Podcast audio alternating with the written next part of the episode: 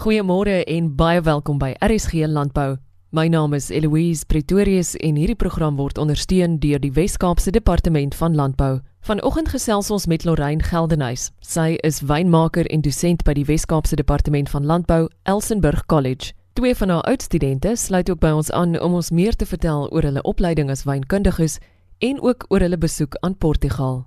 Lorraine, wie eerstens by jou hoor, hoe lank is jy al in jou huidige pos? Louise ek is aangestel op uh, 8 Desember 2011 as eintlik 'n lektor in wynchemie. Ek het wynkunde, wynchemie studeer by die Universiteit van Stellenbosch en uh, toe in 2013 het ek die pos aanvaar as as wynmaker, maar van 2011 af was ek by Elsenburg. So jy's wynmaker en dosent. Wynmaker en dosent. Nou dis baie goeie vraag want Jy weet medewynmakers in die bedryf dink ek is 'n skooljuffrou en dan vra hulle vir my as die studente nou klaar is met eksamen en die studente gaan op vakansie dan vra hulle vir my so jy staan ook nou klaar gaan jy nou al see toe dan dink ek my vriende ons ran nog steeds 'n groot kommersiële kelder en die bottelering moet nog steeds plaasvind die vate moet nog steeds opgetop word alle werk gaan nog steeds voort soos wat in 'n kelder moet gebeur Jy het nou Stellenbosch en Elsenburg genoem. Ek wil jou tog vra om aan my te verduidelik, wat is dan nou anders om by die twee plekke wynkunde te swat? So As jy studeer by Elsenburg is dit 'n 3 jaar B Agriek graad en by die Universiteit van Stellenbosch is dit 'n 4 jaar BSc graad.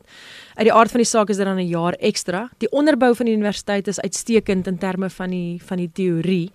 Elsenburg veral in sy finale jaar, die 3de jaar keller tegnologie is baie baie goed veral in die praktiese aspek.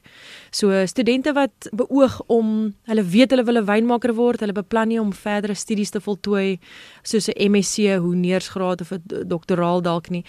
Hulle gaan heel moontlik by Elsenburg eindig weens die praktiese aspek daarvan baie hands-on as ek die woord mag gebruik en ons het 'n 180 ton wat ons kan self 300 ton kommersieel pers so dit gee die studente 'n baie goeie idee van hoe hoe dit is om wyn te maak. Wat is die vereistes van iemand wat hoop om te doen wat jy doen? Weet jy Eloise, uh, daar's ek weet nie wat die die persepsie van die publiek daar buite is dat as jy as jy om 'n tafel sit en jy ontmoet nuwe mense by 'n restaurant en hulle hoor jy's 'n wynmaker, jy weet dan sal altyd 'n effek van oh, Regtig. Wow, jy weet want baie mense drink wyn as 'n mens bymekaar kom en jy eet ietsie, daar's altyd 'n glasie wyn betrokke, maak nie saak watter van watter beroep jy is nie. So ek dink mense dink baie keer dat wyn maak is baie romanties. Wil egter nou sommer dit daar op die tafel sit dat dit is nie die geval nie. Wanneer ons begin pars Januarie wat soms Paasnaweek eers eindig, werk ons ongeveer afhangende van die grootte van jou keller 18 ure 'n dag. Ek het selfs 'n matrasie in my kantoor tydens parstyd en as ons distilleer is dit 24 ure 'n dag. Nou as jou hare in alle rigtings begin staan en jou naels is bloedrooi aan die onderkant van al die pinotage wat jy deurgedruk het, dan sal baie minder romantiese goed as jy eerder daai 5 minute wil vat om te slaap as om self jou tande te borsel. So wynmaak is ongelooflike harde werk en as jy nie bereid is om om self in te spring en die werk te doen nie, dan kan jy nie van ander verwag om dit te doen nie. So harde werk en passievol oor jou konsep van wyn en om dit aan ander mense te deel. Ons vat ten minste 'n goeie breek na Parstyd. Uh dit is dan so jy sal sien die wynmakers beweeg almal hier in die rigting van Agala Struisbaai of Hermanus en dan gaan span hulle uit vir 'n week of twee. Nee, dit is jy weet dis 'n baie veel eisende werk en as jy klaar is met die wynmaakproses dan moet daai wyn verkoop word. En dan begin moet daai wynmakers baie almal van hulle moet begin toer die wêreld vol. En jy weet dit klink idillies maar om soveel weke en maande van jou familie en jou gesin dit dit neem sy tol en dis dis baie toer. Dan sit bottelering en dis beplanning en dit is 'n die frekwensie van werk verskil deur die loop van die jaar. En alhoewel daar uitdagings is wil ons tog nie mense afskrik om dit te oorweeg as 'n loopbaan nie. Absoluut nie. En jy weet die mense wat wat bereid is om daai ure in te sit en wat passievol is, hulle sal altyd 'n uitstekende werk kry. Al begin mens onder, jy weet jy sal altyd jy sal dit altyd maak. Iemand wat wil, daar's mos nou altyd 'n plek vir so 'n persoon. Ek is baie bly met jou te gesels. Hierdie is 'n onderwerp waarvan ek self baie hou. Kom ons praat oor Suid-Afrikaanse wyne wat veral vir jou uitgestaan het in die afgelope 12 maande. Ons buurman is Kanonkop. Ons is baie bevoorreg dat Elsenburg in hierdie kom van van wêreldklas wyne sit. Ons ons buurmanne is is Kanonkop, Beierskloof, Simon Sig. Wyn wat redelik vir my op my top 5 lys staan is die Kanonkop Paul Sauer 2015. Ek dink as enige luisteraar nou begin die rekenaar nader trek om te kyk waar hy hom kan kry. Ek dink die wyne sal reeds uitverkoop. Fantastiese wyne wat Suid-Afrika maak en Beyerskloof het sopas vir ons bewys dat Pinotage is maar is 'n kultivar wat ons nie meer hoef oor skaam te wees soos 25 jaar gelede nie. Op daardie noot, Lorraine, hoe ondersteun die bedryf julle? Jo, kan nie eers begin om vir jou te verduidelik nie. Ek uh, ons word veral ondersteun deur Ekof, dit is die Elsenburg Keller Tegnologie Oud Studente Vereniging. En ons hou 'n jaarlikse veiling wat ek seker ons nou oor sal praat ook, maar die bedryf kontak my op 'n op 'n daaglikse basis om te hoor hulle hou van wat daar gebeur, kan hulle hoe kan hulle betrokke raak? Het ons wyn nodig vir die veiling?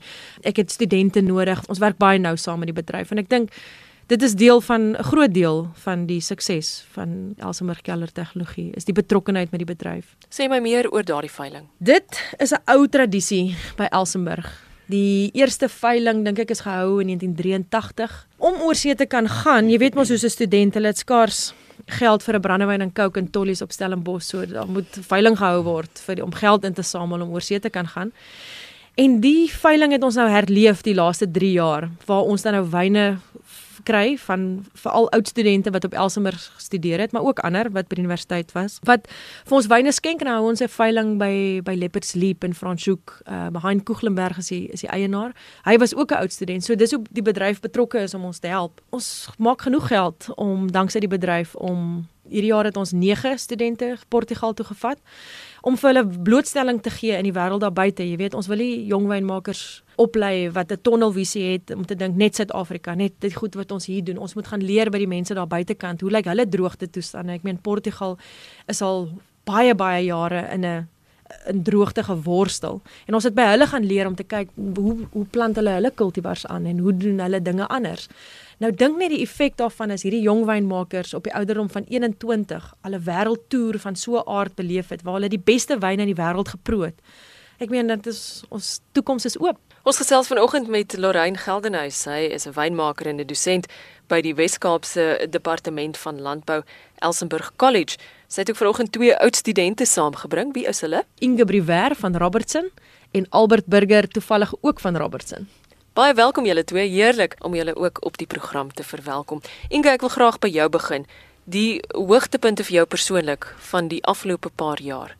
Ek sou maar net sê my finale jaar want ek het Elsmer toe gaan om te studeer vir wynmaak. Jy leer alles wat jy wil leer dan in jou finale jaar want alwaar ek uitgesien het was om klaar te maak maar daai finale jaar wat jy alles wil leer wat jy die vir die rede hoekom jy Elsmer toe gegaan het. Ek het regtig baie blootstelling gekry en ek het nuwe tegnieke geleer, nuwe style. Ek was blootgestel aan die industrie. As jy praat van nuwe style van wyne, wat sou dit as voorbeeld insluit? Maar ek sou seker moet sê die die vlaskip kultivar van Suid-Afrika, Pinotage en ek is baie mal oor vonkelwyn. Dit is my droom om eendag my eie MCC te kan te kan produseer en te kan sê dis my eie produk. Pinotage gis so ongelooflik vinnig dat jy het dit ongeveer net 3 tot 4 dae op die dop om die kleur te ekstraheer. En dit is nou maar net in die natuur en die genetika van Pinotage en dit is waarom ons elke 2 ure moet deurdruk waar Cabernet of Shiraz of Merlot gis vir 7 tot 10 dae. So jy kan baie rustiger wees tydens die wynmaakproses, maar jy weet Pinotage hy wil gedruk word. Albert Burger, jy sê jy het baie oor jouself geleer die afgelope paar jaar. Ja, die jaar sit jou deur moeilike tye. Ek meen dis lang ure wat jy werk en tussenin is dit nog toetse en take wat ook gedoen moet word toe hulle nou gesê dis elke 2 ure wat jy moet opstaan vir deurdruk, so jy is maar moeg. En ek dink jy leer maar net hoe om jou tyd beter te bestee. Dan deur moeilike tye, so as jy moeg is, jy weet jy moet aanhou want dit is dinge wat gedoen moet word en jy leer jy leer jou limite ken. So dit laat groei jou baie as 'n persoon en ek seker van ons nog mense wat in die kelder wat alles self ontwikkel het en leer ken deur die jaar. Albert, ek is baie bly jy sê dit want um, Albert werk uh, volgende jaar by Kanonkop en soos julle weet is Kanonkop baie baie bekend vir hulle Pinotage en hulle Bordeaux blends wat Cabernet dan veral bevat. En ehm um, hulle druk ook elke 2 ure deur, maar daar's nie net een tank nie. Daar's omtrent ek dink 40 tanke. Hmm. So hoe daai 2 ure werk, jy begin op elke tweede uur, kom ons sê 6 uur, 8 uur, 10 uur. Teen die tyd wat jy al die kuipe deurgedruk het, is dit argumentsonthaalwe 5 voor 10 of 5 voor 12, dan jy net 5 minute se rus. Dan moet jy weer begin druk. So Albert, jy gaan as jy gedink het jy het hard gewerk by Elsenburg. Julle het vroeër vanjaar 'n draai Portugal gaan maak. Ja, dit was dan die vir die internasionale toer waarvoor ons wyn ingesamel het wat dan vir die veiling was. Jy weet, laas jaar was ons in Portugal en die jaar voor dit was ons Portugal en Frankryk.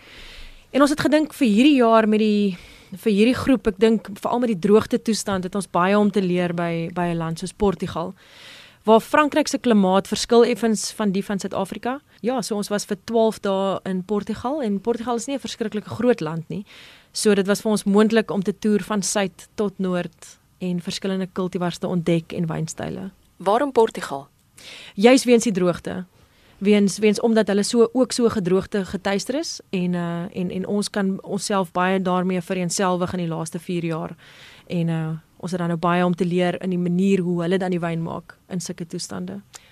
Is dit dan juis wat jy daar geleer het wat jy nou in Suid-Afrika kan kom Correct, toepas? Ja, ja, ons kan nou van daai beginsels wat die effek van die droogte op hulle kultivars kan ons sien ons moet hoe hoe die ekstraksie anders sal plaasvind by watter temperature hulle fermenteer, hoe hulle port maak. Ek meen die Douro Vallei in Portugal is wêreldbekend vir port. Dis ook die enigste area in die wêreld wat die term port mag gebruik as indien dit van daai streek afkom.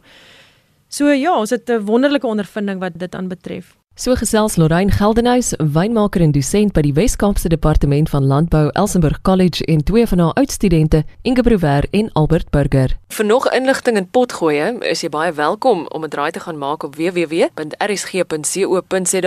en op elsenburg.com. Tot volgende keer. Groete.